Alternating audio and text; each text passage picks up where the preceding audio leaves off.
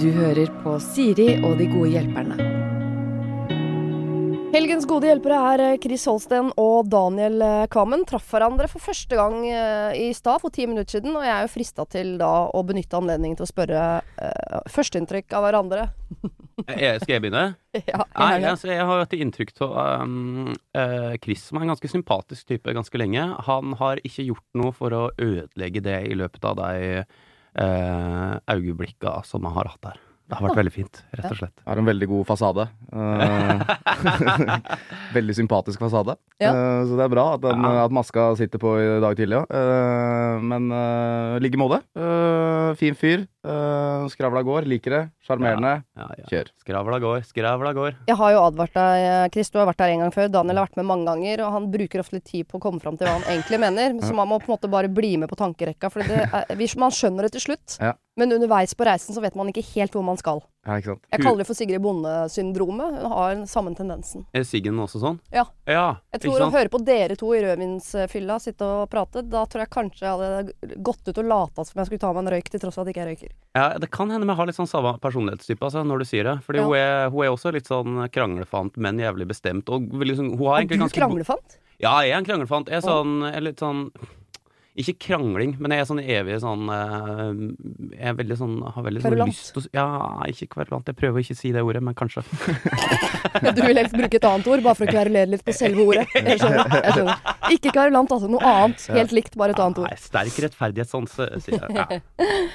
Eh, Chris, sluppet første egne låt på norsk. Det vil jo noen tenke sånn Hæ? Vi har hørt deg på norsk eh, før, men den Tenk hvis-låta er jo bare oversatt. Nå har du skrevet på norsk for første gang helt sånn på egen hånd. Ja. Er det annerledes? Det er veldig annerledes. eh, Det er veldig gøy. Eh, Jeg var veldig redd i starten. Eh, Det er jo en helt annen måte å skrive og ikke minst synge på, men det er av den nærheten og nakenheten jeg liker veldig godt med det norske språket. Ja. Litt den rett i trynet-opplevelsen. Så jeg gleder meg til det prosjektet her, og har åpna nå med en singel. eh, Nå som kom for en uke siden. Smil i ditt eget speil. Ja. ja. Jeg merker at du eh, endrer måten å snakke på med en gang du eh, snakker om eh, faget ditt, for da går du rett over i sånn promoprat. Akkurat som politikere, hvis du snakker om noe som er deres fag, så går de rett opp i en annen type personlighet. Skal høre om du forandrer deg, Daniel, for den duetten din med Gabrielle går jo også som en farsott over landet om dagen. Ja, også den på norsk, men det er ikke uvant fra ditt hold. Nei, jeg prøver meg på norsk eh, ganske ofte. Uh, nei, jeg veit ikke. Den uh, brukte Jeg driver jo da med Nå prøv... Nå merka jeg at jeg sånn, da, Du prøver å være deg selv der borte. Hvem er jeg? Det går ikke å være seg selv når man snakker. Nei, uh, jeg driver med ei plate som heter Gutta som gret, og det har jeg drevet med. Den, faen, den skulle vært ute i februar, den, men var Ja. utsatt nå til høsten. Men det betyr egentlig at vi slapp den låta med Gabby, eh, som var helt sinnssvakt å få lov til å synge med henne. Eh, I november, og så nå har jeg gjort veldig mye de månedene etter det for at det skal bli veldig moro å være Kvammen i Mm. vår. Så det kommer til å skje ganske mye moro i de kommende ukene og utover våren. Så gøy. Ja. Hvor, eh, hvor promoaktiv var det? Nei, jeg syns du lå på en god firer. Ja, takk. det, Det er der landet er eh, Ja. for tida. Vi er jo en evig firer alle sammen. Men jeg har drevet på lenge, tror jeg. Eh, Så det, det, det, er, bare, det er bare ansiennitet. Ikke sant? Men blir man ekstra glad eh, når man får det til på norsk, liksom? Er det en egen sånn stolthet i det? Jeg har aldri fått det på engelsk, da, så jeg veit. Det må Chris svare på.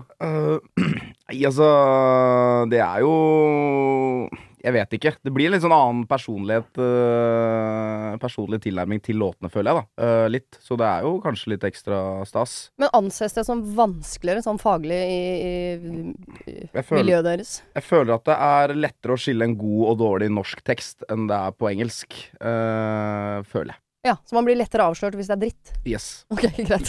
Men det gir jo ja, men gir ikke det meninga? Man har bare større forståelse for språket. Så liksom, eh, hvis det sier noe kleint på norsk, så er det jo lettere å avsløre det enn hvis det sier noe kleint på eh, engelsk. Akkurat når det kommer til deg, Daniel, så tenker jeg at det bare er dialekt, for å være helt ærlig. det må jeg bare innrømme. Og etter det har jeg bygd deg karriere på det. Ja. Ja. Eh, vi skal over til eh, andre ting som er vanskelig i koronatid, og det er jo da dating. Kjapt. eh, Du er litt sånn av og på på det greiene der, Daniel. Hvordan er det nå? Er du i fast forhold? Ja, jeg er veldig fast forhold, jeg. Veldig ja. ja. ja. Ja, stemmer det. Du har fått deg dame med kid ja, og greier. ja, Sist gang jeg var her, så var jo det Da var jeg også prøvde å være tydelig på det, da. Ja, ja, men det er jo lenge siden. Ting kan ha skjedd i svingene der. Jeg aner Nei, ikke. så sånn er det. Ja, Ja. ja. det er fint, altså. singel eller far for alt jeg vet siden sist. Nei, så det er mitt eh, liv. Uh, full trøkk hele tida, både eh, på hjemmefronten og eh, profesjonelt. Ja, bra. Så det er ganske hyggelig. Hva med deg, Chris? Er du eh, ung og søkende, eller er du Her er det lungt. lungt, ja? Her er det lungt. Ja, Her er det. Det tror jeg det er veldig mange der ute som blir glad for å høre. Eh, nå skal dere få et problem av meg. Her står det. Jeg er en singel mann på 34. Jeg føler ikke at jeg har all verdens tid til å finne en jeg kan dele livet mitt med, og nå har jo koronaen satt bremsen på for fullt. Jeg er aktiv på Tinder og har data en del, men begynner å bli kraftig lei av kaffe i en park med én meters avstand. Jeg føler ikke at jeg får vist meg selv, og jeg får heller ikke sett jenta ordentlig. Hvem er hun, liksom? Har dere noen tips til annen koronavennlig dating? Og etter hvor mange dates kan jeg gi F, eh, F står det her, eh, i den avstanden, kan meg Petter. Skjønner du dilemmaet til Petter her? Ja. Treffer jenter, må holde én meters avstand, og syns det er vanskelig på en måte å Du blir ikke forelska på en meters avstand. Men kan jeg være sånn Kan jeg være eh, er, du, du er litt sånn eh, midt eh, Nei, nå skal jeg ikke sette det i den situasjonen, Chris. Um, nei, altså er det sånn at uh, det ikke er lov å uh, kysse, klappe, klemme, ligge og uh, man kan jo det med en kjæreste, for det anses jo som en av dine nærmeste. Men hvordan blir man kjærester? det er ikke anbefalt. Nei, ok. Nei, Da må man jo på en måte bli enige om at man er kjærester, før man har kyssa, klappa, klemt, og så begynne med greier. Det er jo veldig sånn Det er 300 år gammelt, det greiene der. Ja. Nei, dette syns jeg var Jeg er jo ikke i den situasjonen. Nei, det Hva gjør en da? Eh, Men fins det noen måte å date på som ikke er å gå tur? Men som allikevel kan liksom ha avstand? Ja, den er jo veldig vrien. Jeg er jo aldri vært på en Tinder-date eller den der tatt en kaffe med en meter i parken, så den er litt vrien den også, selv om jeg på en måte er eh, singel. Uh, altså For det første, hvis en kjenner at det er skikkelig spark eh, Ja. med den meteren, så mener jeg få, få den meteren ned til 5-10 centimeter eh, fort som F.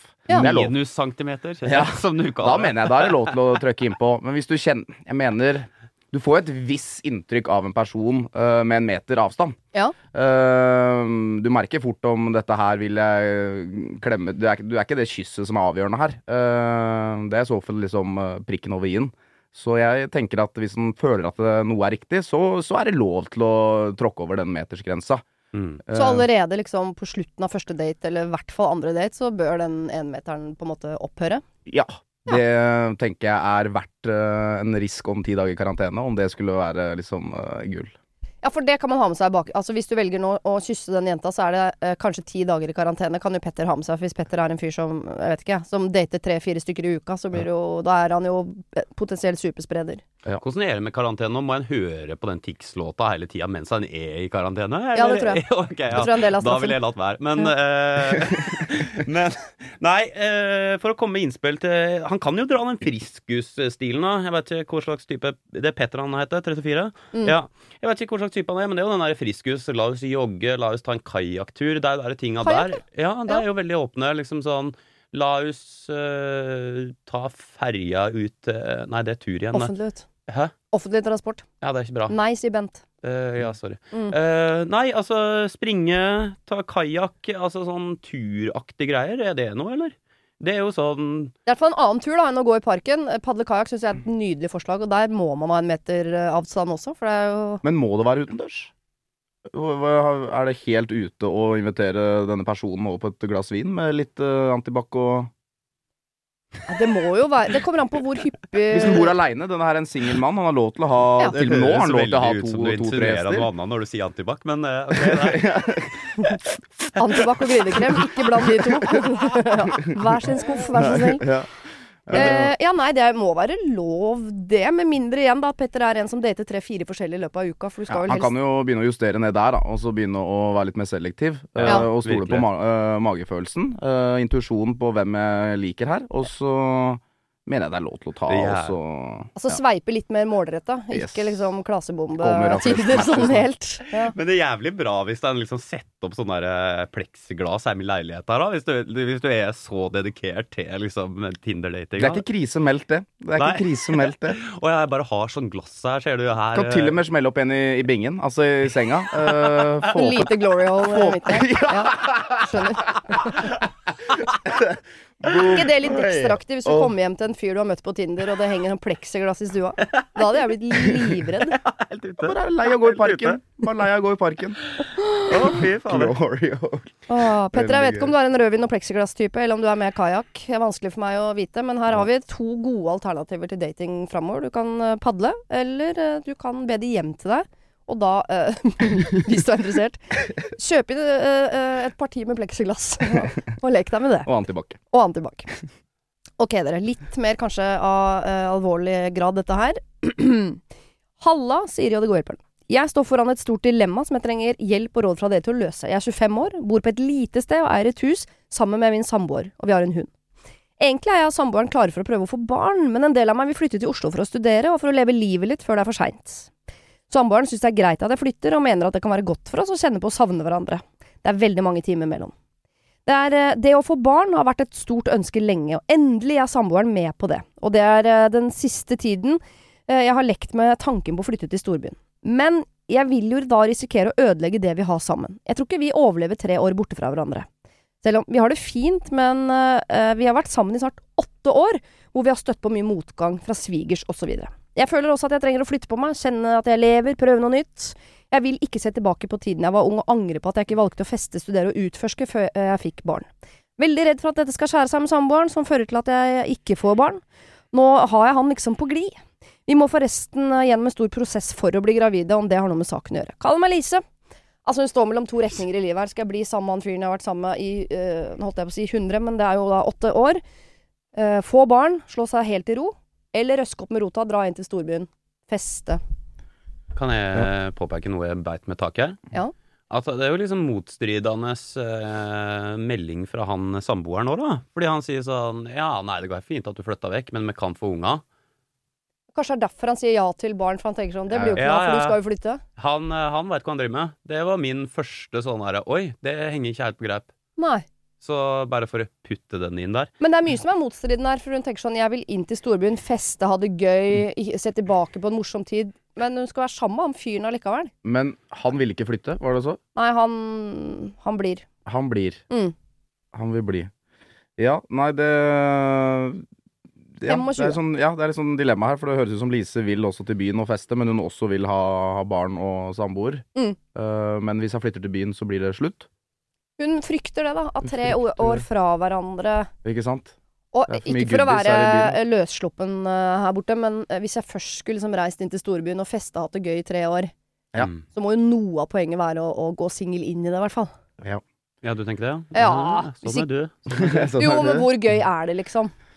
Nei, absolutt. Nei, du veit hva, jeg ville gått for en sånn klassisk eh, Det høres ut eh, Og det her er jo Men jeg har aldri vært en sånn fyr som er, har vært veldig sånn opptatt av trygghet og sånt. da. Altså, jeg, du, du snakka Eller det her kommer fra en fyr som liksom er han fyren som festa til jeg var 30, liksom. Så Mm. det er viktig at det perspektivet, Lise, eh, hvis du hører på. Uh, men jeg vil si det at eh, det virka som du har så mye ulevd liv i det, og det virka som at de kan ha hatt det trygt og godt, og at det er en del av det som vil dit, holdt jeg på å si, eh, og ut og har det moro og sånt, og det får du aldri igjen. Den ungen kan du få i mange år til, eh, og da hadde jeg heller prøvd på et avstandsforhold ei lita stund, og hvis det ikke går, og hvis den savner han, så er det bare å flytte tilbake. Men det som er helt sikkert, det er iallfall at eh, hvis den får den ungen, så kan han ikke flytte til byen og feste. Eller han kan jo, men det blir ikke så godt mottatt av svigers, det. Nei. Nei. Tenker jeg. Ja, jeg, jeg vet ikke hva du tenker, Chris. Jeg er litt uh, enig i Daniel her. Altså, jeg er jo også litt sånn uh, Vi sier også litt sånn rebelsk av meg, og liksom uh, liker å, å, å leve når man kan, holdt jeg på å si. Men eh, Kan ikke jeg få alderen på deg bare, Chris, før vi går videre? eh, jeg er 27, da snart 28. Ja. Eh, så eh, jeg ville jo, hadde jeg vært henne, ville jeg ha stikket til byen. eh, levd dette livet som jeg, jeg også oppfatter hun ikke har helt levd ennå, og kjent på. eh, som ligger inni der og trigger henne litt. Mm. Eh, hun er jo fortsatt ung. eh, 25 år. eh, og har jo, kan fortsatt være en eh, til og med ung mor etter det. Så lever en gang. Jeg tror det er noe med også liksom det å være 25 at det En kan tenke sånn at eh, ja, så fikk en kanskje tilbake Så kanskje det blir ungene blir vokst opp, og så kan de feste litt seinere i livet, men de rundt det kommer aldri til å være 25 igjen. ikke sant? Det er noe med den alderen der som på en eller annen måte at hele miljøet ditt Det nordet liksom har muligheten til å gjøre de tinga. Mm. Eh, men var det noen grunn til at du måtte være borte tre år? Det, Nei, det er vel den utdannelsen da, som er et treårig Ja, det var en utdannelse Ja. inni det her, ja. ja ikke Ja, sant? for jeg tenker, Det er jo også en del av En ting er liksom festinga og den delen der av det, men det å uh, sette av tre år av livet sitt nå til å ta en utdannelse, som jo i hvert fall kommer Hvis det er noe du har lyst til å bli, Mm. ta den utdannelsen nå. Det er ganske mange år igjen av livet, og hvis det er noe du egentlig har lyst til å bli, så, så burde du jo prøve på det nå, istedenfor å sitte i en alder av 50 og tenke sånn Fader, jeg ville jo bli veterinær. Hvorfor ble jeg ikke det, liksom? Men du er klar over at du prata til to musikere her, ikke sant? Om utdannelse. Ja, akkurat nå snakker jeg først og fremst til Lise, men ja. Har du utdannelse? Jeg har ingenting. Nei, nei. Det kan man ta når som helst. Jeg vurderer faktisk å begynne på skolen nå til høsten. Bare så Er du vet det. Jeg er jo eh, 40 Jeg husker ikke lenger. Jeg tar et litteraturfag på Blindern nå. Gjør for, du det? Ja, ja, bare for å tenke sånn Det er jævlig digg å ikke møte opp til forelesning lenger og ikke gjøre det jeg skal, så det var jævlig smart å melde seg på det i sånn siste liten. Nå er jeg akkurat som jeg var før, student som ikke gjør en dritt. Analyserer du dikt, eller hva er det du driver med på Nei, det er noe sånn, der, det er noe sånn nordisk litteratur, da. Jeg veit ikke. Jeg har ikke åpna pensum ennå. Dritbra, Daniel. Det er voksent. Nei, men jeg tenker at uh, Jeg skjønner ikke Det går an å slå to fluer i en smekk her også, for jeg skjønner ikke helt hvorfor hun må bli singel for å flytte til byen. Nei, det må du ikke. Det Eh, er noe hvis jeg det er sier. liksom Ja, ikke sant? Og hvis det er liksom uh, passion her, og hun virkelig elsker fyren, eh, så, så, så kan jo også det kombineres veldig fint. Du kan jo ha det gøy i byen også. eh, med venninner og ja, altså, ja, Enig, ikke, ikke terningkast eh, seks, liksom, men du kan ligge på en sterk firer, da. Ja. Eh, få det. Også, men plutselig så merker jeg at ok, nå er jeg i byen, jeg har helt andre impulser i kroppen. Eh, han fyren er ikke riktig for meg. Nei. Eh, og så tar man det derifra. Ikke problematiser Enig. så innmari langt av gangen, Lise. Gjør det du har lyst til nå. Du flytter til byen, tar det studiet, eh, har kjæresten din, se Mm. hvordan det går. Går det bra, så går det bra. Går det dårlig, så ja, da har du et problem du kan gjøre noe med. Da må du enten da velge å flytte hjem igjen for å, å velge han, framfor liksom å ha det gøy og utdannelse, og kanskje ikke det var noe kult å leve i Oslo, eller kanskje ikke det var noe kult å ta den utdannelsen. Hvis du elsker det livet, og det går trått med han, ja, så er jo valget enkelt, da. Ta ett valg av gangen. Vi skal over til eh, Lena og broderen, som det problemet her heter. Her står det. Jeg er i en knipe, jeg trenger hjelp. Er en jente i midten av 20-åra. Kall meg Lena. Rundt juletider spøkte jeg og min beste venninne om at jeg burde begynne å date hennes bror. Etter nyttårsaften dro jeg på date med han etter oppfordring fra henne, og det hele begynte som moro, og jeg hadde ingen forventninger utenom en hyggelig kveld. To måneder etter, og nå har det da oppstått følelser. Vi har tilbrakt mye tid sammen, og han har mer eller mindre bodd hos meg de siste ukene. Problemet er at nå syns min beste venninne at hele situasjonen er rar, og hun er sint på meg fordi ting har gått så fort, og at jeg ikke har forstått selv at dette kom til å bli feil. Dette kom overraskende på meg da det var hun som oppfordra til dette, selv om det begynte som en spøk. Jeg har sagt at hun betyr mer for meg enn hva han gjør, at jeg er villig til å avbryte dette med han til fordel for vårt vennskap. Men dette er komplisert. Hun vil nemlig ikke at jeg skal dumpe han på grunn av henne, men mener at jeg skulle ha gjort det av eget initiativ fordi jeg burde ha skjønt at situasjonen er rar. Så nå føler jeg uansett hva jeg gjør, så blir det feil. Nå har hun bedt om en pause fra meg, og dette får jeg ikke lov til å fortelle til broren hennes, som er hos meg i skrivende stund. Jeg trenger råd for hvordan jeg skal komme meg ut av dette. Er jeg en dårlig venninne, eller er det hun som overreagerer her? Hilsen en som savner bestevennen sin, men som har blitt forelska. Ah, jeg blir sint info. av dette problemet. Jeg blir litt sint, men eh, så bare ta over, så skal jeg roe meg ned. Vil du begynne, Chris? Ja, nei, altså dette her er jo Her var det mye, mye info, mye greier. Uh, dette her er jo skinkig. Uh, jeg syns jo synd på Lena her, eh, bare Ja, for å få sagt det. Eh, og dette her var jo da bestevenninna som egentlig i starten eh, Altså gjorde at hun begynte å date broren hennes, var det ikke det? Jo. Eh, og hun som på en måte pusha på det. Og så når det begynner å bli følelser, så eh, blir hun sur. Eh, og da, ikke sant eh, Fader, den her er uh, Den her er vrien. Ja. Jeg synes, kan jeg bare skryte ned? Jeg syns hun uh, søstera er skikkelig urimelig, da. Jeg er jo helt ute. Du kan ikke du kan ikke by opp til ball og så si eh, festen er slutt klokka ti, liksom. Nei. Og faen, det er ikke sånn det fungerer på Gjerlo, iallfall, der jeg er fra. Absolutt ikke. Nei. Eh, Nei, men dette, jeg hører hva slags type jente dette her også er. Som er sånn typisk det, du er så eh, dårlig på jente. jeg vil ha, jeg, Du kjøper aldri blomster. Ja, men jeg kjøpte jo blomster til deg i går. Ja, men det var fordi jeg ba deg om det. Jeg vil at du skal kjøpe blomster uten at jeg har bedt deg om det. Altså, Sjøl om det er sånn Å ja, ja, men beklager da, jenta mi. Da, Flashback til hele livet. men, og det er jo som da Lena sier sånn jeg, Uansett hva jeg gjør nå, så blir det feil. Og det er helt riktig. Men det er egentlig et godt utgangspunkt også for å ta et valg. Hvis du vet at uansett hva jeg velger, så blir det feil. Da har man jo en unik mulighet til å velge akkurat det man vil. Ja, hvordan da, mener du? Jo, hvis det blir feil uansett. Ja! kan man jo velge Mm. uten å tenke på hva er det hun vil, hva er det Ikke sant. Da trenger man ikke å ta noe hensyn, for det blir jo gærent uansett. Så bare tar man det man har mest lyst til. Tenker bare på seg selv. Mener jeg at Lena har muligheten til her. Men jeg syns Mm. absolutt ikke at hun burde slå opp med han typen, hvis hun begynner å bli glad i han. Og det kan jo virke som at hun har en eh, en slags eh, hang eh, til sånne type mennesker med de karaktertrekka som han og søstera har. altså, det er jo tydeligvis at hun liker Hun liker den genpoolen. Liksom. ja, hun liker den genpoolen. Så jeg vil jo tro at dette her ligger det jo egentlig Det er jo det som er trist med det, er jo det at det som ligger her, er jo bare muligheter til et fantastisk sånn eh, eh, sosialt og liv. Det bestevenninna, faen, er ikke det her sånn eh, det her er litt sånn som i Friends, eh, når Ross blir sånn sint. Oh, au, nå wow, det her går jeg dit, ja. OK. Uh, Husker ikke når We were on a break! Skal vi dit? Nei, når Nei. Ross blir så sint på Chandler. Fordi at han eh, Men så er han sånn manisk depressiv. eh, OK, gå vekk fra det. For der er det vel noen som er sammen med s- broren til venninna og noe greier inni Friends, er det ikke det? Chandler Det er noen sammen med- søskengreier der. Ja. Men uansett, poenget er at eh, vi går vekk fra det utrolig utrolig dårlige forklarte eksempelet. Og så uh, er poenget mitt at det som egentlig ligger her, er jo masse muligheter til et sånn fantastisk sånn familieliv, alle er venner. Enig. Så hun, eh, kanskje hun nettopp må ta den praten med Er det noe navn på søstera? Nei. Nei. Så det er broderen og søstera alene Lena. Ja. Men kanskje hun må ta en eh, prat med bestevenninna og si sånn Tenk på det her. Tenk så flott vi kan ha det.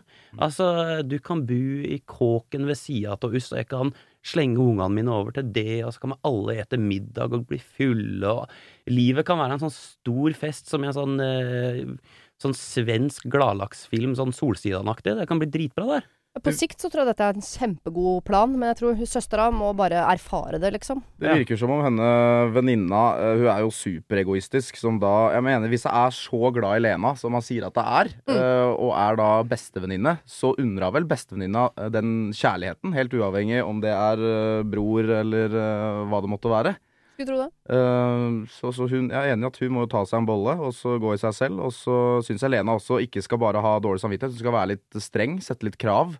Og sette denne venninna opp til eh, veggs og si at dette, vet du, i første omgang så var det du som eh, faktisk ba meg gjøre dette her. Mm. Jeg har gjort det du sier, og nå er du sur på meg. Det godtar jeg ikke. Nei. Jeg, er ordentlig glad i denne fyren her.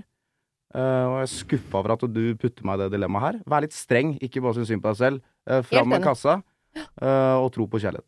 Er jeg syns du skal på en måte ha litt sånn forståelse for at jeg, jeg skjønner at den situasjonen nå er litt synke. Fordi det, i starten så er det litt sånn ah, Driver du og ligger med broderen, og det er ekkelt, og det er rart, og Jeg mister jo nå venninna mi, for hver gang når du er på besøk hos meg, så vet jeg at du egentlig bare vil være sammen med broderen. Jeg, jeg skjønner at hele universet her er litt vanskelig. Det burde alle ha tenkt på litt tidligere. Mm. Eh, men når det nå er som det er, så må jo søsteren bare på et eller annet tidspunkt bli vant til at de to er et par. Hvis det er ekte kjærlighet, da. Hvis ikke det er sånn at Lena kunne blitt sammen med hvem som helst. Mm. Det virker ikke sånn, da. Det virker, Ja, det som det er ikke litt eh, genuint. Men jeg syns du har påpekt det to ganger nå. Du har egentlig sagt det ganske sånn pent i, i, i, i mellom linjene her. Det hun egentlig burde gjøre, er å være sånn uh, Nå er jo korona, jeg vet ikke hvordan det er med korona der hun bor, men også bare si sånn Fuck! La oss ete middag sammen. Ja. Altså Fordi du sier at hun må erfare, så det hun må begynne å få til, er å lage gode opplevelser med deg tre, eventuelt flere venner. At det her liksom er lugnt, og at det er en fin greie for alle involverte. Ja. Det tror jeg er en god plan. Et, etter at du har kjefta litt på. Ja. Vær tydelig. Eh, og hvis det er sånn at du er forelsket i denne broren, så skal du selvfølgelig fortsette den forelskelsen. Vær tydelig overfor venninnen din. Fortsett å si at du er glad i henne, men nå, eh, nå er jeg liksom på dealeren med bro broren din, og sånn kommer det til å være. Skal vi spise middag? Hva er din dolmio-dag, kan du si. Ok. Eh, vi skal over til et problem som Altså, dere er jo eh, feil folk til å løse dette problemet. Det må jeg bare beklage. Ikke undervurder oss. eh, Tenker du på Ikke undervurder oss. Det kan jo hende du har fått litt sånn erfaring på baken nå, Daniel, i forhold til at du eh, har et Har ikke du et bonusbarn gående der hjemme? Jo, jo, det er to. To, ja. Hvor gamle Hvilken aldersgruppe snakker vi? Fem og sju. Ikke sant? Apropos det der å få Oi. barn i stad, så der var det sånn 25. Ja. Hvor gammel er du? Jeg er 32. Ja, ikke sant? Ja. Så, hvor gammel trodde du jeg var? Jeg trodde du var yngre. Der ser du, vet du. Ja, det tror jeg jeg også ville trodd. jeg tar tilbake svaret mitt. Jeg er 29. Ja, men det, Ja. er noe rundt der. Klinger bedre, Ja, ja. faktisk. ja. Ja. Her står det. Hei, jeg har en datter på seks år. Hun er veldig sterk og trygg sosialt, og har ikke problemer med å få seg venner. Hun er utrolig romslig og verner om de som ikke har det bra. Og det er selvfølgelig min subjektive forståelse, men jeg får også beskjed av dette eh, fra barnehageansatte og fra foreldre som har hatt nye barn i gruppa, og eh, spesielt da foreldre til barn med ekstra behov. Problemet mitt er nå at eh, det er en mor som har veldig lyst til at våre døtre skal bli venninner, tror jeg. Hennes datter har også en vennegjeng og er absolutt ikke alene. Jeg får stadig meldinger fra denne moren om at hennes datter gjerne vil komme på besøk til oss. Det som irriterer meg med dette, er at våre døtre de har ikke så god kjemi. Det er ingenting vondt eller vanskelig, men de leker ulik lek og prater egentlig litt ulike språk. Det føles som om moren vil presse på et vennskap her som ikke er der. Og dette, eh, om dette hadde vært en jente uten venner, eh, så ville vi selvfølgelig gjort alt vi kunne for å inkludere henne, men dette virker mer som om moren bare vil at de skal være venner av en eller annen grunn. Så hva gjør jeg da? Jeg svarer jeg ja, eh, til tross for at min datter aldri spør om å ha med seg henne hjem, eh, som da går på bekostning av hva hun egentlig ønsker å gjøre på fritiden. Er det lov å si fra at det ikke virker som om de har så god lek? Vi vil jo ikke være kjipe, men jeg syns at dette er litt vanskelig og en rar problemstilling, egentlig. Det hjelper ikke at vi bor i samme gate. Hjelp! Oi. Um, Jeg kan bare hilse uh, fra privatlivet og si at dette er en helt reell problemstilling man som foreldre må uh, gjennom uh, gjentatte ganger. Mm. Foreldre som vil at barna skal leke. Det, det har jeg inntrykk av. Ja. Eh, uten at jeg burde uttale meg om det. Hvor, men jeg, det var en liten detalj som jeg ikke fikk med meg. Men som tenk, der var hun venninna sin mor Var hun Ja. ganske god venninne med mora? Nei, tror bare det er noen folk oppi gata. OK. Som har fått for seg at de to Kan jeg- leke masse. Kan jeg liksom fable så mye som jeg vil? Ja, ja, pleier du å gjøre noe annet? Nei. Nei. Nei. Men det er veldig søtt at Eh, du spør. Jeg tror at det som ligger i grunnen her, er jo at øh, venninne øh, vil jo bare være venninne med mor. Hun vil, jo ikke, hun vil jo ikke være Hun har ikke så stort behov for at de døtrene skal være venner. Hun vil jo Det er et eller annet som gjør at eh, Så det er jo det som er intensjonen her. Mm. Så her er det et eller annet som tiltrekker eh, mora mot venninna og omvendt. At jeg tror egentlig det er den relasjonen som venninna ønsker å oppnå. Eller Ja, at hun det at vil inn i, i det miljøet der, liksom. Ja, det tror jeg. Denne dattera her var jo litt sånn uh, flinkis. Uh, dattera til henne moren som, som stilte dilemma.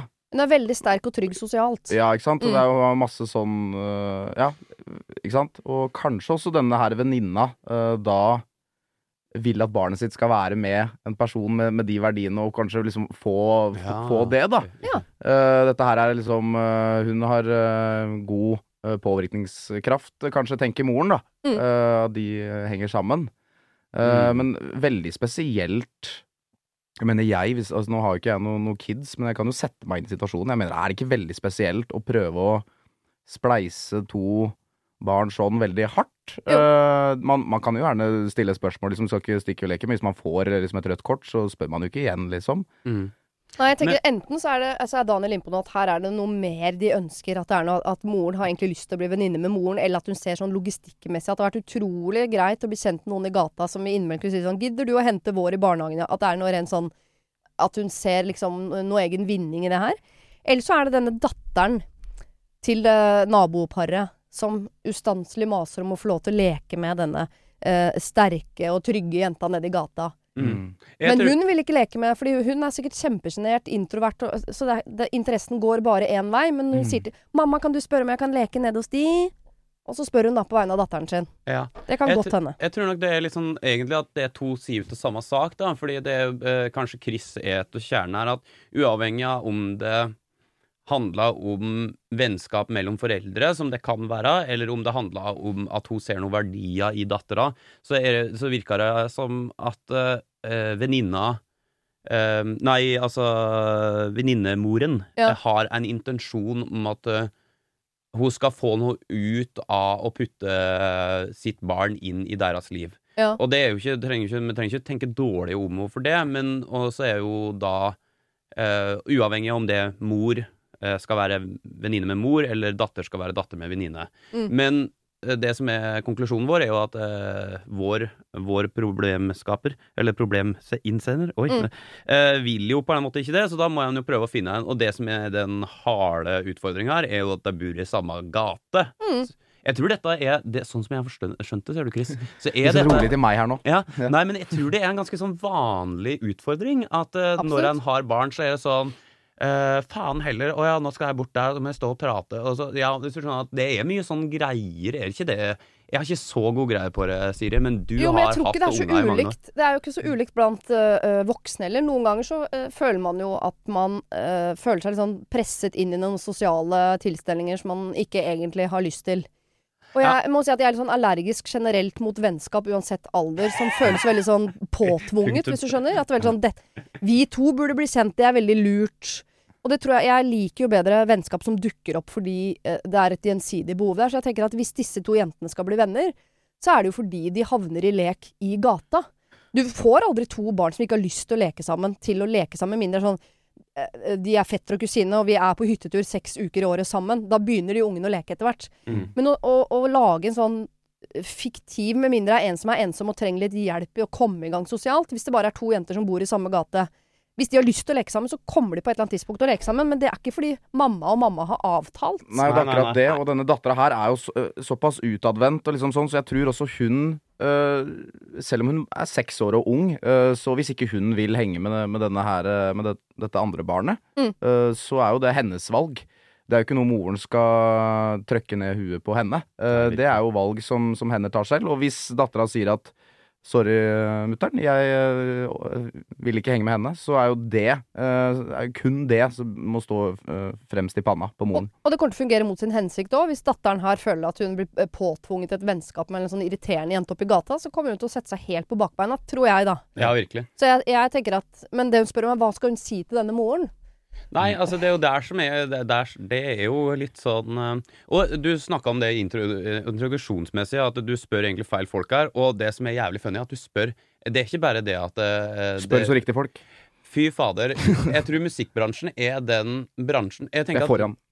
Ja, fordi det som er, det som er greia, er at i andre har det her på jobben. Altså, eh, men vi slipper aldri å forholde oss til det her, Chris. Fordi i musikkbransjen så er det bare sånn at han går til et studio, og så henger han med folk som han syns er kule, og så bare lager han seg sånne klikker at folk han går godt med, og det er det eneste som skjer. Mens alle andre, og det her har jeg tenkt ganske mye på i det voksne liv, Ja. blir liksom pressa inn på Radio 1, der du må jobbe en eller annen fyr du ikke liker, og så må du ta stilling til det her spørsmålet.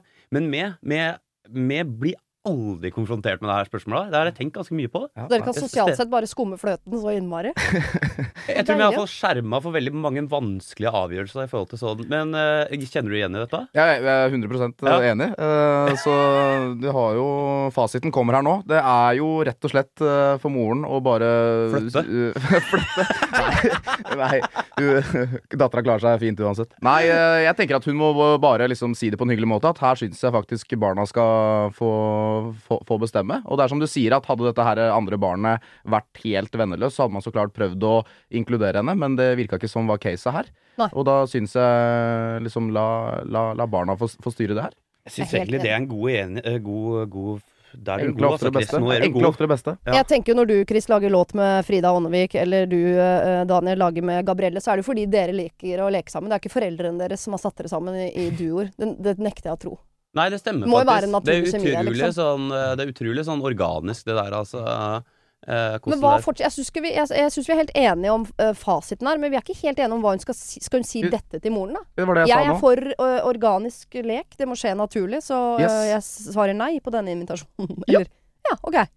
Ja. Men man kan vel legge opp noe sånn eh, Datteren min er ute og leker i gata, kan de ikke bare møtes tilfeldig der, eller Man vil jo Ja, ikke være kjip, liksom. Jeg syns liksom Chris sitt budskap er det riktige, men jeg tror at jeg ville vært sånn, sånn som du sier, at det på en måte pakker inn på en måte. Sånn, på en måte sånn ikke Det er ikke noe vits i å si sånn Nei, de liker ikke hverandre. Eh, men du er veldig god på sånt. Kanskje Ja, men for det kan snu hele tiden. Altså, jeg, jeg, min datter har jo bestevenninnen den ene dagen som hun dagen etter ikke tåler trynet på. Så er de, altså, de, det går jo veldig opp og ned hele tiden. De er jo ekstremt fram og tilbake og opp og ned. Vil du si at hun er slekt med det? Ja, tidvis. tidvis er hun det. Men eh, nei, jeg vet ikke hva jeg hadde svart denne moren. Jeg tror, altså jeg hadde antageligvis ikke svart. Det er sånn, Å nei, gud, den meldingen! Jeg har latt som sånn. Sorry, jeg var på jobb, så ikke meldingen din Men før kanskje ikke sette dem i en situasjon hvor det er, hvor det er de to aleine. Kanskje som du sier, da, hvis det, er, hvis det skjer noe, eller det er et arrangement hvor, det er, hvor dattera hennes er der, så liksom inviter kanskje hun, eh, hun andre med på det. Ja. Uh, hvor det er liksom flere. Eh, at de ikke putter de i liksom den derre Nå skal vi to leke, nå skal dere to leke sammen, nå skal dere bli uh, venninner. Nei, og de er jo uh, De er jo seks år gamle, så jeg tipper de får lov til å leke litt i gata, liksom. Så jeg tror jeg bare Ja. ville eh, Arranger et eller annet i sånn gata, da, så Jeg ville sagt jeg, nå, jeg sender datteren min ut nå om en halvtime, og da kommer hun til å være litt på lekeplassen eller sykle litt rundt. yes. Så kan du ikke bare be datteren din Så, så møter vi hverandre så der. yes, ja. Ikke sant? Så virker det litt mer sånn tilfeldig møte, og hvis kjemien er god, så leker de. Ja. Enn sånn Nå kommer hun du ikke liker om en halvtime, og dere skal bygge Lego. Mm. Altså, Og hvis du da spør igjen, så er det lov til å være litt streng, vel. kanskje. Ja. Litt streng. Har du et problem og trenger hjelp, ja, så sender du det til meg. Da bruker du Siri, alfakrøll, radionorge.no. Hei, vi er en vennegjeng. Altså eh, to par og en singel. Og vi skulle dratt på påskefjellet sammen, men nå blir jo ikke det noe av. Det var en i gjengen, Hans Ingle, som påpekte dette i en gruppe vi har på Facebook, og etter en del fram og tilbake så avlyste de som eier hytta. Greit nok, det er jo sånn myndighetene vil ha det. Men så kom det meg for øre at de dermed har invitert med seg et annet vennepar, og de tenker å dra. Og jeg kjenner at det provoserer meg noe så inn i helvetes mye. Mye fordi jeg er misunnelig, selvfølgelig. Da kunne jo egentlig vi dratt, så kunne han single bare blitt igjen. Men også fordi de liksom var så himla enige i hans bekymring. Men det var tydeligvis bare piss. Og jeg koker. Kona koker også, men hun har lyst til å la dette ligge. Det vil ikke jeg. Men hva kan jeg egentlig gjøre? Oi, eh, kan jeg bare stokke dette riktig for meg sjøl? Ja. Eh, fordi det er han single som klaga, Ja. og da blir det paret som har sendt inn eh, eh, problemet, blir utelatt. Hele hytteturen avlyses egentlig, men så På grunn av han ny single. På grunn av at han single mener at vi har ikke lov til å dra på den hytteturen, og det er jo helt riktig for så vidt. Ja. Men så lager de en ny hyttetur Hvem lager ny hyttetur? De som skulle ha hyttetur i utgangspunktet, lager en ny med et annet vennepar. Altså, men han single også med der? Nei. Nei. Altså, Så, dette eh, paret imellom er de som lager da ny hyttetur? Ja. Ja. Eh, du, dette tenker jeg at eh, Jeg vil bare gå ut ifra utgangspunktet. La det fare, liksom. Dette er jævlig beinhardt, og det er jo sånne ting som oppstår i livet for alle. Eh, at eh, det var, Vi var jo litt inne på det i et tidligere dilemma med eh, noen som bare ikke går så godt sammen i eh, leik. Et, et barn og sånt. Og dette handla nok rett og slett om eh, tilfeldigheter og kanskje det, det første paret, de som arrangerer hytteturen, eh, kanskje tror at eh, eh, par Det er vanskelig når det er så mye par og singler, men altså Ja, når uh, Skal vi prøve å finne et navn på det er hytteparet, de som er i hytta. Hyt, og så er det gjesteparet, det er innsenderne. Og så er det han single. Ja. Som sikkert er drittlei av å bli kalt for han single, men det er greit. Det kan jo hende at de tror at uh, Folk har sikkert vært ganske enig i den tråden, for det er jo ingen som liker å bli konfrontert med Eller si sånn når noen sier Du, vi kan ikke reise, det er restriksjoner. Og så si Da er det ingen som sier sånn Fuck it, vi gjør det likevel, fordi vi vil jo være lovlydige folk. Mm. Så da har det sikkert det gått ut ifra at uh, uh, hytteparet Nei, gjesteparet er enige med han single. Og det kan være noen misforståelser der, og så har de bestemt seg for å fuck, bryt reglene, men vi spør noen som er like glad i å bryte reglene som oss. Eller så kan det hende at de bare ikke liker hytte... Nei, gjeng... Hva det Ja. heter Eh, At hyttegjengen ikke liker uh, i, Altså oh, gjestegjengen. Gjesteparet. Ja. Så godt. Men poenget er at når sånne ting oppstår, så det er ingenting å gjøre noe med. Nei, men Da er du som er- kona i dette gjesteparet, da. ikke sant? Du vil bare la det ligge. Jeg må bare la det ligge, altså. Ja, jeg er litt sånn, jeg, jeg er litt enig. Jeg hadde ikke brukt så mye energi på det her. Jeg hadde ikke satt meg ned og skrevet og sendt en dilemma her til radio. Jeg hadde bare liksom Ok, la oss uh, finne på noe annet hyggelig. Uh, nå ble det sånn. Ja. Ja. Eh, det, vi har da andre ting vi kan gjøre. Eh, det høres ut som de er helt avhengig av å være på den eh, hytta til disse hytteeierne. Ja. Eh, det er litt Ja, jeg er litt enig. Ofte så er det jo deilig å bare la det fare, men det er jo grunnen til at de havna i den situasjonen der, Mm. er jo fordi de er konfliktsky, og fordi de inni den gruppa så alle bare lata som alle er enige med alle. ikke sant? Bare latt liksom, da har de jo bare latt alt fare, alt hva de egentlig mener og tenker og føler om ting. Mm. Og så fortsetter de jo med det, hvis de bare later som dette, dette også er helt greit. Men det som er, at det er liksom sånn Det en må innse her, er at det, det er ingenting å vinne på, uavhengig av om det er at det er dårligere likt enn det nye paret, eller om det bare er misforståelser. Det er ingenting å vinne på nummer én å gå og irritere seg over dette. Det går an å irritere seg over det. Det var en smart eh, venn av meg som sa en gang at du kan bekymre over et problem én gang, men de ti neste gangen så er det bare en belastning for deg. Så liksom du lærer noe av den første bekymringa. Mens det er ti neste gangen du går og grubler på noe, så er det bare en repetisjon av samme driten. Så det er liksom ingenting å vinne på å gå og gruble over det. Og nummer to, det er i hvert fall ikke noe å vinne på å konfrontere noen med det her. Fordi det eneste han kommer til å gjøre da, er å skape konflikt. Og han Ja. kommer liksom Det kommer til å bli eh, surmuling, og det kommer til å bli vanskeligere å ta den hytteturen seinere. Så jeg tror liksom hvis jeg skulle vært med, som jeg ofte er, så ville jeg kanskje sagt Snikskryt. Utrolig sosial potet, da, den gamle fra Eilum. Så ville jeg kanskje sendt deg en melding og sagt sånn Det var synd at den hytteturen ikke blei noe av. Vi hadde jo jæklig lyst, men la oss ta det seinere, da. Og bare liksom påpeke at Ja, men det kan de ikke invitere seg med på Hvis de er eh, så keen på å bryte Ja. den koronaregelen, kan ikke invitere seg med og si sånn Sorry, vi ble bare lata som vi var enige med han eh, single i den tråden. Vi, vi hadde jo absolutt dratt på fjellet, vi også, hvis vi fikk muligheten. Kan vi bli med? Da er det en fare for at jeg blir avvist igjen. da Si sånn Nei, du, sorry, nå er det fullt. eh, Men ehm, Så det må jeg vite. Men jeg, det, er jo, det er jo ikke noe problem å si sånn Fader heller, det hadde vært hyggelig. Si ifra hvis de kan ombestemme kan, liksom.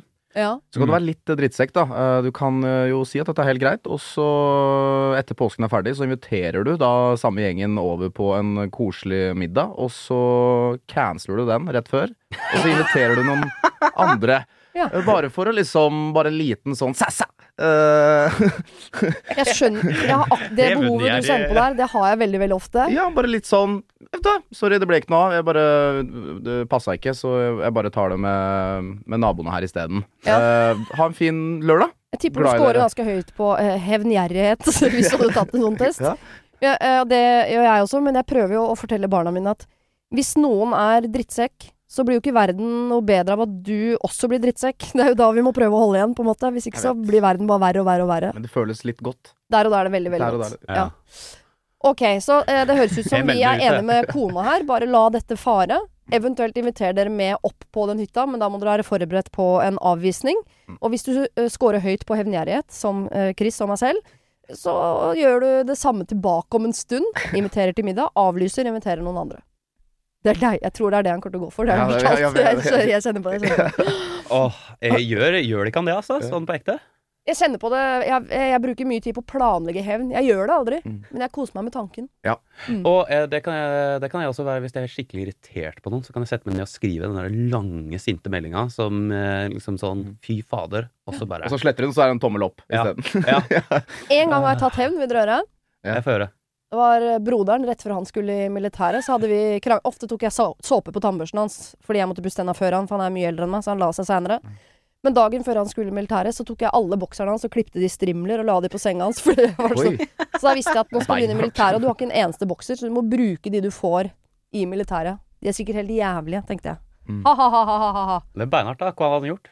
Ja, det husker jeg ikke. Sikkert øh, Jeg vet ikke, jeg. Noe barnslig. Fise meg i trynet eller sånn, som jeg husker han gjorde en del. Og da klipper du bokseren og kjørte tannbørsten i såpe? Ja, det er beinhardt. Det var gøy. Veldig, veldig gøy. Sånn er du. Ja, Sånn det er har jeg vokst fra, i hvert fall sånn i praksis. Men oppi hodet mitt holder jeg på med det der. Det er lov. Kjære Siri og de gode hjelperne. Her om dagen var jeg inne på sjefens kontor for å hente noen papirer. Jeg kom til å se på PC-en hans, og hva var der? Jo, porno.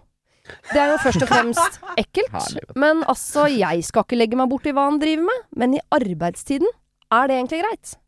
Hvem kan jeg i så fall si fra til? Han er jo øverste sjef, og vi er ca. 150 ansatte her. Kona hans jobber også her, og henne har jeg veldig god tone med. Kan jeg eventuelt ta det med henne?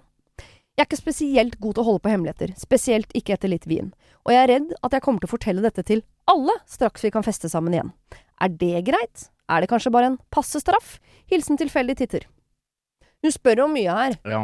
Skal Mm. hun fortelle dette til alle som en slags straff? Skal hun ta det opp med kona, eller hvem skal hun eventuelt ta det opp med? Og er det greit å se på porno i arbeidstiden? Siste er jo Nei, det er jo ikke greit. Eh, Hvorfor er det ikke Jeg- jeg greit? Å se på porno sånn, i arbeidstida? Jeg, jeg bare tenkte sånn er ikke, er ikke sånn Jo, det er lov, men er det liksom Det er kanskje ikke lov, nei.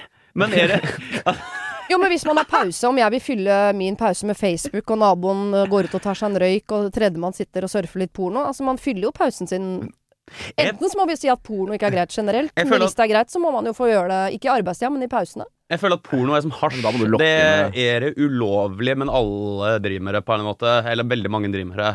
Ja, Eh, eh, er, er porno ulovlig? jeg er usikker. jeg. Eh, det er Jeg tror ikke det er ulovlig å se porno. Nei. Nei.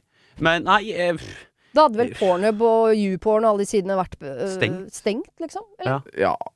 Nei, det, det tror jeg er lov.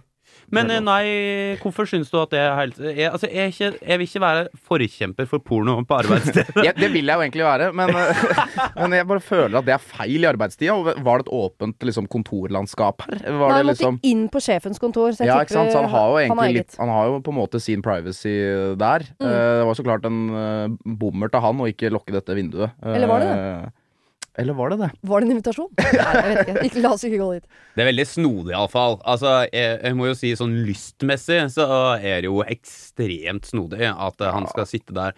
Når jeg tar meg innover det perspektivet at Da er han du gira, altså. Da er du gira. Da er du gira, altså. Da, Da- da har du vært Midt lenger oppi Excel-en og begynner å tenke bare fader, ass. Bare, Blir så kåt av Excel. Ja, Jeg må inn på Pornhub. Jeg må bare kjøre noe Ja, jeg må bare kjøre noe er å se. På det overskuddet! Herregud! Nå Men jeg, jeg tror kanskje det å si det til kona er litt feil. Uh, fordi uh, altså Jeg vet ikke, for jeg føler at porno er en sånn vanskelig ting, fordi det er jo ikke Man er jo ikke utro eh, selv om man ser på porno, på en måte. Nei. Eh, men også er det en litt sånn egen greie at du vil jo ikke dele det med kona, at du på en måte tenner på å se på noe annet heller. Nei, det kan jo virke som om dette er en fyr som må se på porno på jobben, fordi hjemme så er ikke det helt akseptert. Nei, og da begynner jeg kanskje å støtte det litt, litt igjen. Nei, jeg vet ikke. Jeg hadde nok, men jeg hadde nok tatt det opp med han. Bare du øh, Med han? Ja. At det er ballsy. Det er jo dit vi vil, men det er veldig Det få som tør. Nei, uff a meg. Nei, du fy faen, det her må jo Jeg tenker at magefølelsen min jeg, Det er ikke noe jeg, Dette sier jeg ikke på vegne av intellekt eller liksom gjennomtenkt, men magefølelsen sier hold dette for deg sjøl, altså. Ja. Hold, vær så snill. For hun blir jo helt sånn Det blir jo jævlig kleint òg hvis hun blir hun som eh, eh, OK, eh, var det noe navn på? Nei, det var Nei, ikke. en tilfeldig titter, kaller hun seg. Men uh, tittelen, uh, hvis du hører på, det her er veldig viktig. Hvis du også blir den dama som driver og sladrer om dette på jobb, så blir jo det også ganske krise, ikke sant? Jeg har ikke sladra, nei. Nei. Og ikke sagt til alle. Men hun sier jo at hun er redd for at hvis hun holder det inne, så kommer dette her ut. For hun snakker ofte veldig mye med noen par glass eh, vin innabords. Ja, veldig Eh, så hun må jo også da eh, Hvis hun da på en måte kanskje liksom sier dette her til sjefen, så er det på en måte Så er ikke det s- Da kommer ikke det til å komme med noe glass vin. Gjør det det da? For har fått det ut, og har i hvert fall deala med det. Hvis du holder det for seg selv, så er det, kommer det jo risken at det kommer ut til veldig mange. Jeg liker jo ikke å sitere Rune Rudberg, eh, og det er ikke så ofte jeg gjør det heller. jeg skal på en måte egentlig ikke gjøre det nå heller, men han gjorde noe veldig lurt i sin tid. Jeg husker da det var en del sånn øh, forskjellige øh, kjendiser der ute, hvor det kom en del nakenbilder på avveie. Kåre Conradi og litt sånn forskjellige folk rundt Ja, om forbi. ja. Og Rune Rudberg. Og han er den eneste som kontra det med å legge ut et bilde av seg selv med en blå dildo i Altså, han, han bare gjorde det bildet en, enda verre og la det ut og lo av det selv. Det var det ikke bildet noe er så legendarisk. ja, men da Har kunne ikke det? folket Da lo vi sammen med han. Det var ikke noe sånn Vi pekte ikke på han og sa sånn haha, idiot. Eh, Så jeg tenker at for at ikke hun skal spre dette til alle på jobben, så burde hun jo si det til han eller kona, Fordi da er det ikke så gøy å hviske tiske om det i korridorene når Når man gir på en måte eh, sjefen muligheten til å, å Jeg føler bare hvis jeg sier det til kona, så blir det, kan det bli litt sånn problemer mellom dem igjen. Uh, at det er litt sånn sladrete, og liksom du, mannen din ser på porno på jobben. ja. Uh, for han har jo ikke gjort noe feil sånn sett. Og da, da føler jeg da, da blir det liksom Da skaper man kanskje litt større problemer med hva det kanskje er, istedenfor å kanskje bare ta det direkte med han. Men hvis dere hadde jobba i et konsern med 150 ansatte, og så skulle dere få påpakk for uh, at dere så på porno i arbeidstiden Jeg, jeg syns at jeg syns, Vil du ha det fra uh, HR-sjefen, eller vil du ha det fra kona? Jeg tror jeg hadde tatt kona, nemlig. Jeg syns ikke hun skal si det i hele tatt. Altså, poenget er at det er litt off. Det er jævlig, off. jævlig off. Men jeg, jeg vil bare si det at hun har ingenting på å vinne på tar opp med, Han er sjefen hennes. Altså, han kommer hun, han, Det hun må huske på her, hun er eh, tittelen, er jo at hun må jo bare vite det at hun taper veldig mye på å ta opp med noen som helst. Dette er én tjeneste som hun burde gjøre av seg sjøl, er å bare holde kjeft. Fordi tar hun opp med kona, så blir det rar stemning der. Begynner hun å sladre på gangen, så blir det plutselig en ståhei, og til slutt så får han vite det, og det blir jævlig. Det er jo uante konsekvenser, det kan gå eh, bla, bla, bla. Og tar han opp med henne, så blir det jo Så- dårlig stemning med sjefen. Dette Ja, da får han sparken. Så det er liksom vrient her. ja, Ja, det kommer til å snu, og det shit hits the fan-aktig, dette her. ja, det kommer til å slå tilbake på ho, tror jeg. Og kan, hun kan jo trøste seg med at hun har jo bare tilfeldigvis kommet over noe som antageligvis de aller fleste gjør et eller annet sted på et eller annet tidspunkt. Det er bare at hun tilfeldigvis har tatt han i det. Ikke sant? Det er derfor det blir grisete. Alle de andre på kontoret ser også antageligvis porno, men hjemme, Ikke i eller. Nei, kanskje ikke. Jeg tror ikke det er veldig normalt. Jeg Jævlig eh, skyter inn et siste, eh, siste og avsluttende råd eh, her, faktisk, som er Spar det til lønnsforhandlingene. Nå er du god! Det, da blir det Da blir Jeg det litt. Ja, er- det er kjempesmart. Fy fader. Som en ekte sunnmøring. der traff du det. Det var løsningen. Ja, det var der, Ja, shit. Der kom fasiten Ja, det tror jeg faktisk jeg hadde gjort, ass. Du burde drive med å gi råd profesjonelt. Yes, deilig. Det driver ikke bare med hevn, men også med utpressing. Stille type. Stille type. Ok, vi skal over til uh, det problemet som kanskje er eh, det lengste den helgen her. Oi. Kjære Siri og de gode hjelperne, jeg trenger hjelp. For snart åtte år siden møtte jeg en fantastisk fyr på Tinder. Første året var det bare oss to. Men så flyttet jeg tilbake til hjembyen min, og forholdet og avstanden på ca. to timer ble for mye. Det neste året gikk vi begge inn i hvert vårt forhold, og hadde det ganske greit med det. Men vi fortsatte å holde kontakten sporadisk gjennom alle årene og holdt ut kun en måned eh, hver gang med stillhet før vi pratet sammen igjen. Samtalene var alltid lette, morsomme, betryggende, men også flørtete. For to år siden skjedde det noe dramatisk i mitt liv da min daværende kjæreste sto på i sin livs største krise, og jeg sto med hatten i hånda. Hun sier ikke noe mer om det, det har ikke noe med saken å gjøre, egentlig. Det gikk et par dager, eh, og Paul tar kontakt og sier at han tenker på meg. Paul blir da en stor støtte for meg, vi snakker sammen hver eneste dag, på melding, telefon, snap osv. Vi møtes, vi har utrolig flotte stunder sammen. Og jeg, hun sier ikke hva de flotte stundene er heller. Mm. jeg innser at Paul er drømmemannen, han som alltid slapp unna, men problemet er at han har jo fortsatt samboer. For Paul har ikke dette så mye å si, og prater det vekk når jeg nevner henne, og det er meg han vil ha. Han sier daglig ting som du er min største kjærlighet, det er deg jeg vil ha, la oss bare starte opp sammen på nytt med familie. Han savner, han tenker på meg konstant, og sånn holder det uh, gående hele tiden. Jeg prøvde en stund å trekke meg vekk fra han uh, av hensyn til dama, men da nektet han. Han ville ikke la meg gå, jeg var hans viktigste, og dette kan vi ikke gi opp. Jeg lar meg sjarmere og sier at ok, nå må vi bli enige om hva vi gjør, for jeg orker ikke å være hun andre. Så, kjære Siri, og hjelperne. Plutselig får jeg tidenes sjokk. På den faste morgenmeldingen med hei skatt, sovet godt, var det plutselig noe nytt. Jeg fikk også et bilde av han etter at han hadde dusjet, men bakerst i hjørnet ser jeg plutselig et stellebord.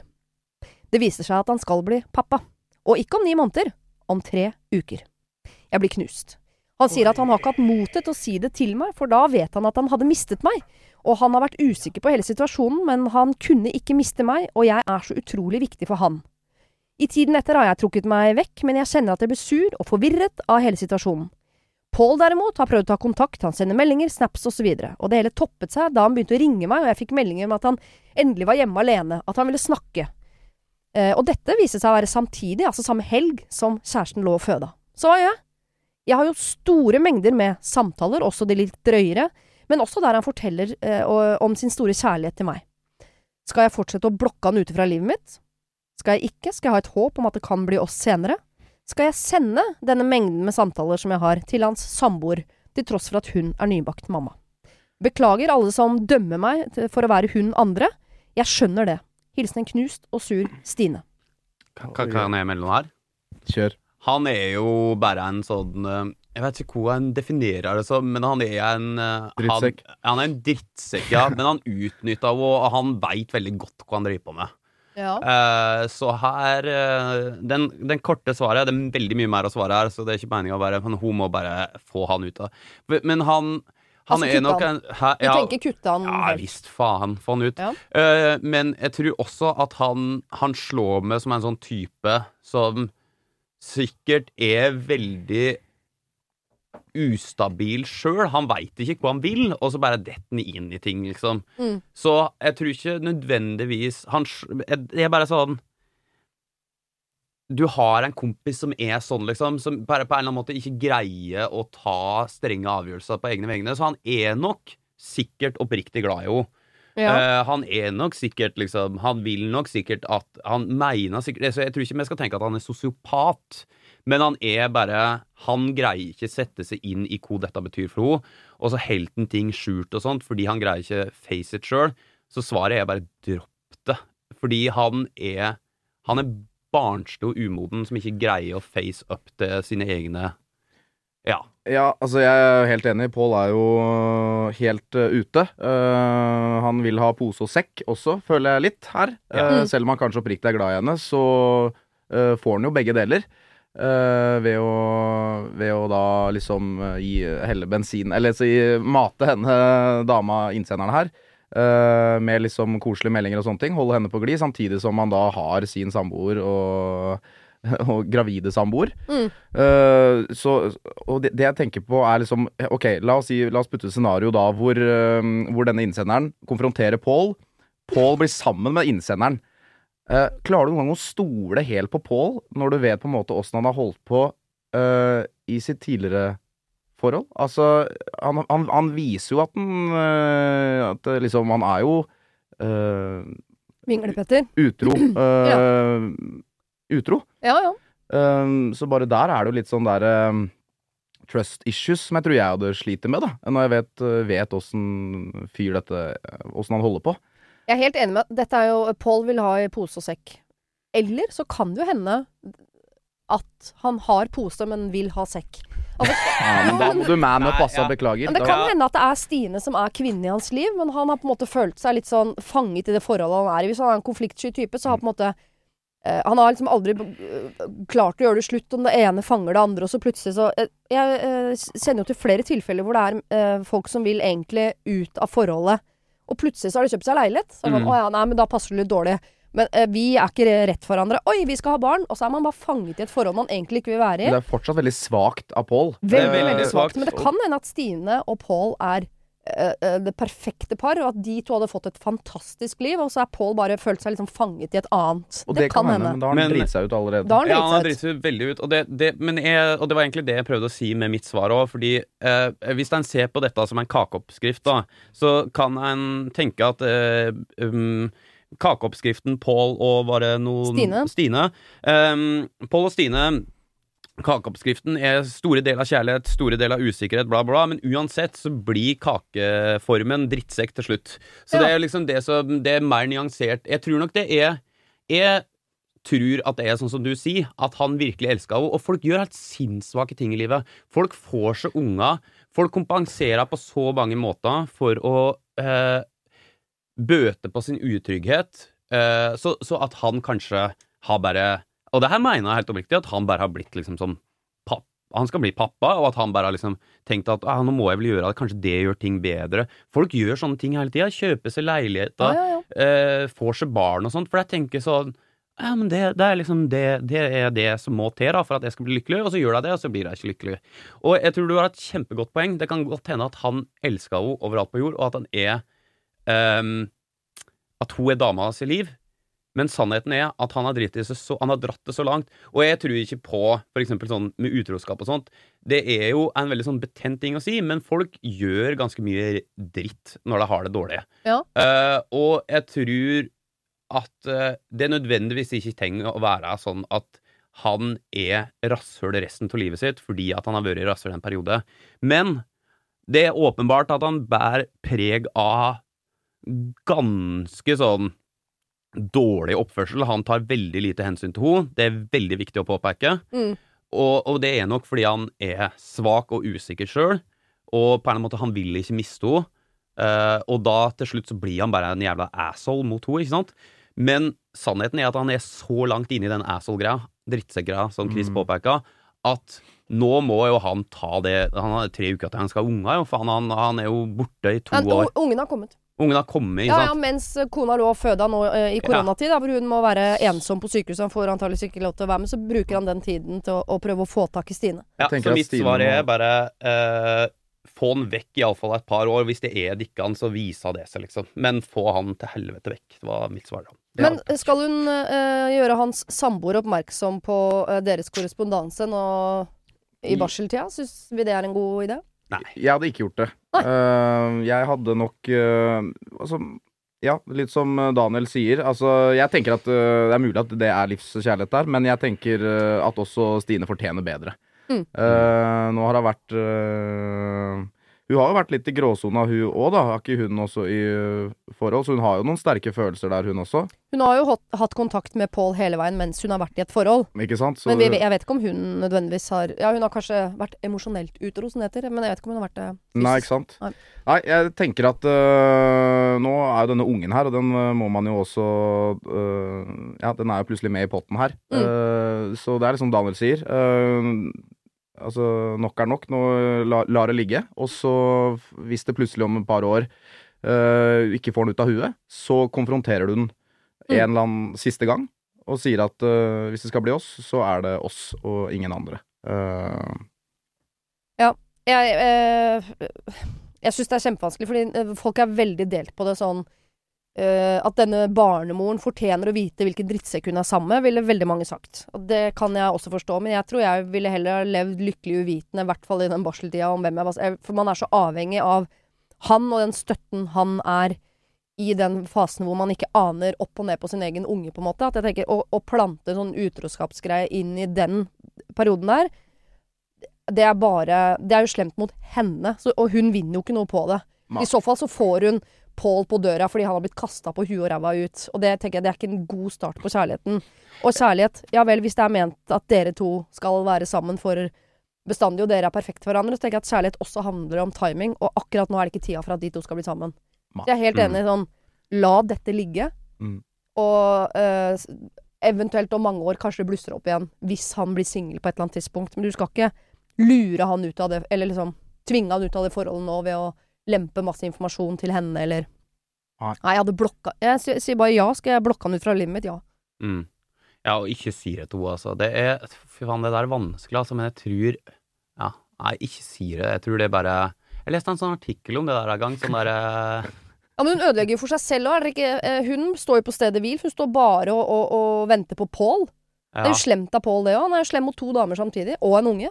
Ja, ja. Slem fyr. Ja. Og så tror jeg bare liksom det emotional distress som hun, eh, mora kommer til å gå gjennom Eh, Folk gjør jævla mye rart i dette livet. Folk gjør jævla mye dumme ting. Folk er, det er Og dette mener jeg virkelig. Folk, fy faen, mye eh, Folk er som en slemt. kakeoppskrift, da. Ja, folk Nei, men folk Kaka gjør blir mye aldri god! Ja, kaka blir drittsekk. Dette er viktig for meg å si. Folk er slemme, og alle har vondt i seg. Alle har godt i seg. Eh, han her har akkurat nå på dette tidspunktet ganske mye vondt i seg. Dette Nå gjør han mye dumt, liksom. Ja. Men det er viktig å huske på at alle gjør dumme ting, og det som er at eh, Hvis en ser på konsekvenstenkinga av det å fortelle det til hun, eh, mammaen, så tror jeg det kommer til å sette henne i en sånn emosjonell krise, liksom, med barn. Ja, ja. At det kanskje en skal skjerme henne fra dette, og så håpe, og kanskje si til Pål nå hvorfor du faen meg skjerper deg, liksom. Det trenger jeg, han å jeg høre. tenker å la Pål være i fred, og så må han finne ut av hvilken vei han vil gå på sikt. Vil jeg gå den veien her sammen med dama mi og babyen, og det er det som blir mitt liv? Eller vil jeg ikke det? Bryter han med det? Uh, og så kan han da uh, ta opp kontakten igjen med Stine et eller annet annet sted. Men akkurat nå så skal ikke Stine og Pål bli et par. Det tror det kan jeg det, det er det også ingen som bare i tillegg oppi potten her skal kanskje bare slå opp med sin samboer. Eh, Det høres ut som Nei, de er ikke sammen lenger. Okay. Hun er singel nå. ok. Ja, ja, ja. Så hun da er på en kunne, måte kunne ha gjort det i samme slengen, på en måte. Absolutt. absolutt. Ja. Ok, siste problem her, som også er uh, et kjæresteproblem, som jeg tror veldig mange kan kjenne seg igjen i. Uh, hei, Siri Hjelperne. Kjæresten og jeg har vært sammen i Åh, vet du hva, beklager, jeg må bare Folk som kaller kjæresten for kjæresten. Litt problem med det. Må bare si fra det innledningsvis. Kjæresten og jeg har vært sammen i tre år. Vi kommuniserer dårlig, og jeg blir møtt med dønn stillhet om jeg prøver å snakke om problemer i forholdet, eller fremtiden eh, sammen, som barn, hus osv. Mine teorier er at han 1. Ikke vil være alene og bare nøyer seg med meg. 2. Har commitment issues. Tre. Er en drittsekk. Jeg håper selvfølgelig på nummer to, for det kan vi jobbe med. Men det finner jeg jo ikke ut av da vi ikke snakker sammen! Nå vil jeg kjøpe hus. Vi har et avstandsforhold, og ingen av oss vil bo i hverandres by. Eh, Jeg kunne gjerne kjøpt et eh, hus et sted vi begge kunne tenke oss å bo sammen, så han kan bare slenge seg på når han er klar. Men siden han ikke vil snakke om det, så aner jeg ikke hvor det eventuelt kunne være. Nå er det selvfølgelig mest naturlig å kjøpe her hvor jeg har jobb, jeg kan jo ikke si opp jobben og gam gamble på et nytt sted uten å vite om han kommer etter. Så hvordan løser jeg dette? Er det innafor å etablere seg uh, såpass et sted kjæresten ikke vil bo? Jeg vil jo ikke ødelegge forholdet, men jeg finner ikke ut av hvor lenge jeg skal utsette å leve livet mitt sånn jeg uh, um, Før det, det blir for dumt. Det er jo bare å svare meg, eller? Ja. Hjelp. Please. Hilsen en kvinne i 20-åra som allerede er lei av å vente på menn. PS. Ikke si at jeg skal nyte 20-årene og vente med å etablere meg. Jeg lever allerede hverdagen som en kjedelig, enslig 50 år gammel dame, og ønsker meg bare full frihet til å pusse opp et hus og plante i hagen. Kall meg hva dere vil. Okay, Randi. Jeg tar Randi. Kan jeg, Randi, skal, Ok. kan jeg si da til Randi at ok, hvis du da ikke vil ha svaret eh, lev fritt og eh, lev som en 20-åring, så finn deg en annen fyr, da. Fordi han her helt jo bare på vent fordi at han eh, Ja, det er magefølelsen min. Men er det ikke mange mennesker som bare ikke er så glad i å kommunisere? Som bare sitter på og venter på at uh, dama, eller da eh, den nye mammaen, Ja. tar alle avgjørelsene, og så bare blir de med. Ja, har Randi litt for lyst på et hus, liksom? Har litt for lyst på dette huset og disse plantegreiene. Det høres ut som er liksom viktigere enn å fikse dette forholdet som er uten kommunikasjon. Dette huset.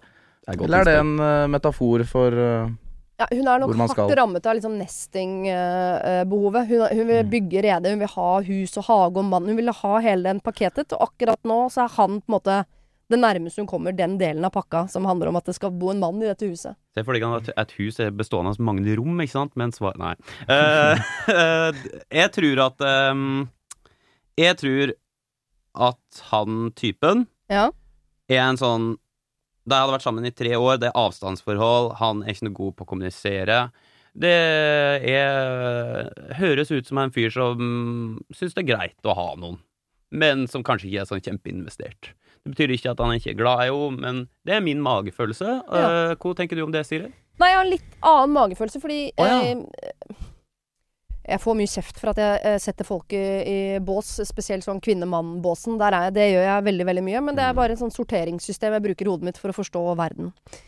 Jeg tror vi kvinner vi elsker å planlegge og, og, og vite hva vi skal, og, ikke sant, ofte. Og så eh, er det ikke alltid at mannen er like liksom, opptatt av det. Og jeg er sammen med en fyr som jeg elsker til døde, men som jo heller ikke er en øh, pratemaskin av rang. Han sier de ordene han må si, og så holder han kjeft resten, på en måte.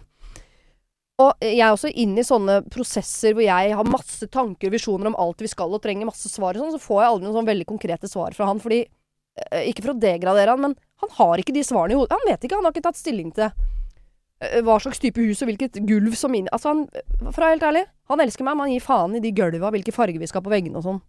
Og da tenker jeg at det er jo øh, selvfølgelig irriterende, men også en mulighet for Randi å bare ta masse valg. Hvis hun har lyst på det huset med den hagen, kjøp det huset med den hagen, da. Så kommer han etter all sannsynligvis etter. Men da skal hun klare at da har hun et hus og en hage og en mann som nesten aldri prater. Kan bli kjedelig. Ja, Ja. nei, altså Og jeg tenker også som, som mann, da. Denne mannen Jeg tror, jeg tror jeg, Magefølelsen min at vi kan luke vekk nummer tre. Jeg tror ikke dette her er en drittsekk. Jeg tror ikke jeg. Eh, litt sånn konfliktsky, sjenert fyr. Uh, kanskje, kanskje han kjenner på at han er litt usikker, og, han føler at, og det å kjøpe et hus sammen er jo veldig liksom committe. uh, og at liksom da da, da må jeg bestemme meg for at det er hun her jeg vil bli gammel med, på en måte. Den sitter kanskje litt langt inne, da. Mm. Eh, så klart, han, det jo, han burde jo da sagt det. Eh, men det er som du sier, eh, hvis du har så forbanna lyst på dette huset, Mm. eh, kjøp deg det huset. Og så får du se da, hvis denne her mannen eh, er med på det, og det er nice, så er jo det helt topp. Og hvis den ikke er det, så var det ikke riktig. Det er ikke så dumt, det, altså. Eh, men hvor var de tre alternativene? Er det lov til å spørre om det? Det gikk så fort, så jeg Ja. fikk liksom ikke de alternativene med meg. Eh, alternativ én, han vil, være ale han vil ikke være alene og bare nøyer seg med meg. Ja. To, ha commitment issues. Tre er drittsekk. Vi har stryket tre, da. Bare så vidt. Ja, det er vi med på. Mm. Eh, Jeg er litt på to, jeg, altså. Hvis alle lener meg to, så skal jeg være med på det, bare for å ikke være en kranglefant. Uh, Er du på én? Hæ? Ja, det var det som slo meg uh, eh, Slo meg i maien først. Eh, men eh, hvis ikke han er så sikker, så er jeg en fyr som liker å stole på andre. Altså. Så Ja. da, da kan jeg være med på det, altså. Og jeg tenker at siden Randi har så tydelige tanker om hva hun vil, og hun er sammen med en fyr som ikke sier høyt hva han vil, så mister han stemmeretten. Han, han for meg er en sånn fyr som Han stemte ikke ved valget, han, men når det ble høyreregjering, så er han fly forbanna, for han liker jo ikke Høyre. Han blir sånn Ja, men vet du hva, du, du benyttet deg ikke av å bruke stemmen din, så må du holde kjeft herfra og fram til neste stortingsvalg. Eller sånn irriterende foreldre på foreldremøte som ikke sier noe på foreldremøtet, men når de kommer hjem, så er de på Facebook og sier han jeg syns egentlig ikke vi skal bruke penger på nye lekeapparater, jeg. Ja vel, det er for seint å stemme, ditt nek. Ja. Og det tenker jeg med han fyren her. Du, hvis ikke du sier noe, Så tar hun alle valg, og så må du enten da bare bli med, eller bli sittende der du er. Prater du om ditt eget forhold nå, eller prater du fortsatt om han? Nei, nå Nei, nå prater jeg om folk som, som ikke tør å mene noe, men som etterpå da, når et valg er tatt, så er de sure for at ikke det ble det valget de hadde lyst på. Nei vel, vi vet ikke hva du mener om noe som helst, for du sier jo ikke noe. Nei. Fordelen til Randi her er at du, ja, som du sier, hun nå har hun litt styringa, og da kan hun sette litt hvor hun vil, siden Ja. han ikke sier noe. Og det må han også være innforstått med. Jeg tenker at Hadde han vært det nummer én, altså bare ha henne for, så, så føler jeg at den, da hadde han snakka mer, men eh, sagt at jeg vil ikke ha det huset, men jeg vil ha liksom deg, på en måte. Mm. Eh, føler jeg da kanskje mer Uh, Mens med det at den ikke liksom snakker, eh, føler jeg kanskje mer liksom man er redd for å uh, Ja, committe seg, rett og slett. Da. Og den sitter litt langt inne å kanskje si også, Fordi Ja. da sier man jo egentlig jeg er litt usikker på oss. Og hvis han velger å ikke bli med og flytte inn det huset hun har kjøpt, eh, så tenker jeg ok, da har du i hvert fall det huset og den hagen du hadde lyst på. Da har du halvparten av det livet du hadde sett for deg. Og uh, ja, det, det er jo bedre enn ikke noe. I verste fall så har du gått glipp av en fyr som sitter i en lenestol og, og leser kryssord og ikke sier en, noe som helst herfra og ut. ja. Han kan erstattes. Og så har du investert masse penger, gjort deg et uh, godt valg økonomisk i ditt liv. Kjøp det huset, ja. Ja. Ai, ai, ai. ja, ja, ja. At han ikke sier noe, betyr ikke at du skal slutte å gjøre noe. Høres helt rolig, Randi, heia Randi. Kjøp deg hus med hage. Begynn å plant. Lev det 50 år gamle livet ditt som du ønsker deg, til tross for at du bare er 20. Ok, jeg ble litt voldsomt engasjert på slutten der, dere. Er Ja. Bra Nei, det var siste kjempebra. problem, for nå trenger jeg å øh, restituere. Jeg merka det at eh, det, er, det, er, det er mye med sånn åtteproblem, altså. Det er litt mye. Ja, men det går jo fort. Men um, jeg, to- jeg syns også de to siste var Det var ganske relatert Eller hva jeg ikke liker, da, men jeg, jeg bare tok med meg han over i det problemet der, jeg tror jeg. Ja, de blir en gjeng til slutt, på slutten her. Så Ja. jeg vet nesten helt hvem øh, man snakker til. Det er sånn, Vi velger ikke vinner her. Nei. Nei. Gjør vi ikke. Jeg hadde så veldig vinnere. lyst til å eh, velge sånn pleksiglasset, men det var Plexiglass med glory hole. Ja, det er jo beste Tinder-løsninga ever, vel. Det er også et tips til påsken som står foran oss, Yes. folkens. Eh, Jeg ønsker jo da Daniel og Chris Jeg håper dere får en fantastisk uh, påske. I like måte. Ta, I og utenfor Viken kommune. Det må du også ha. Tusen takk. Tusen, tusen takk. Det var det.